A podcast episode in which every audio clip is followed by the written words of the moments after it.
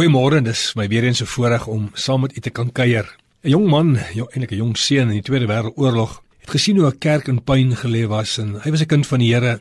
En hy was so hartseer en hy het gesê as gevolg van oorlog, kyk wat gebeur.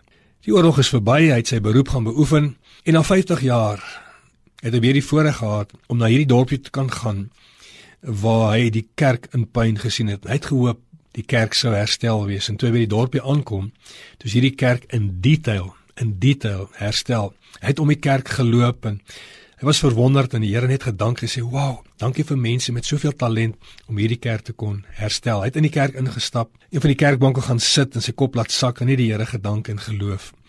En na rukkie toe staan hy op en hy stap uit en sy oog vang die beeld van Christus. Gedeelte van die gesig is weg, geen hande en geen voete nie. En hy sou half geskok en hy dink by homself, maar al hierdie kerk so wonderlik kon herstel en maar kyk na die beeld van Christus. En hy besluit net daar, hy sal hierdie beeld van Christus herstel in detail. Hy kyk toe rond of hy iemand kan sien in die kerk. Hy kry toe niemand nie. Hy tel so 'n stukkie papier op.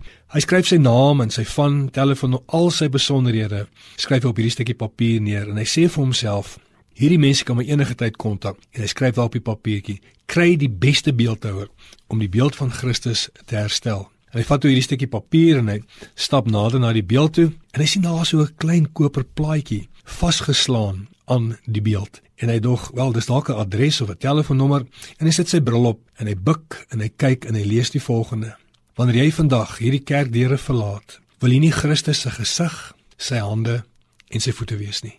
Kom ons wees vandag Christus se hande, sy voete en sy gesig.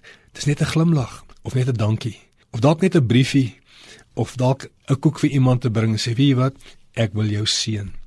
En dis wat Genesis 12:3 sê, die wat jy seën sal die Here seën.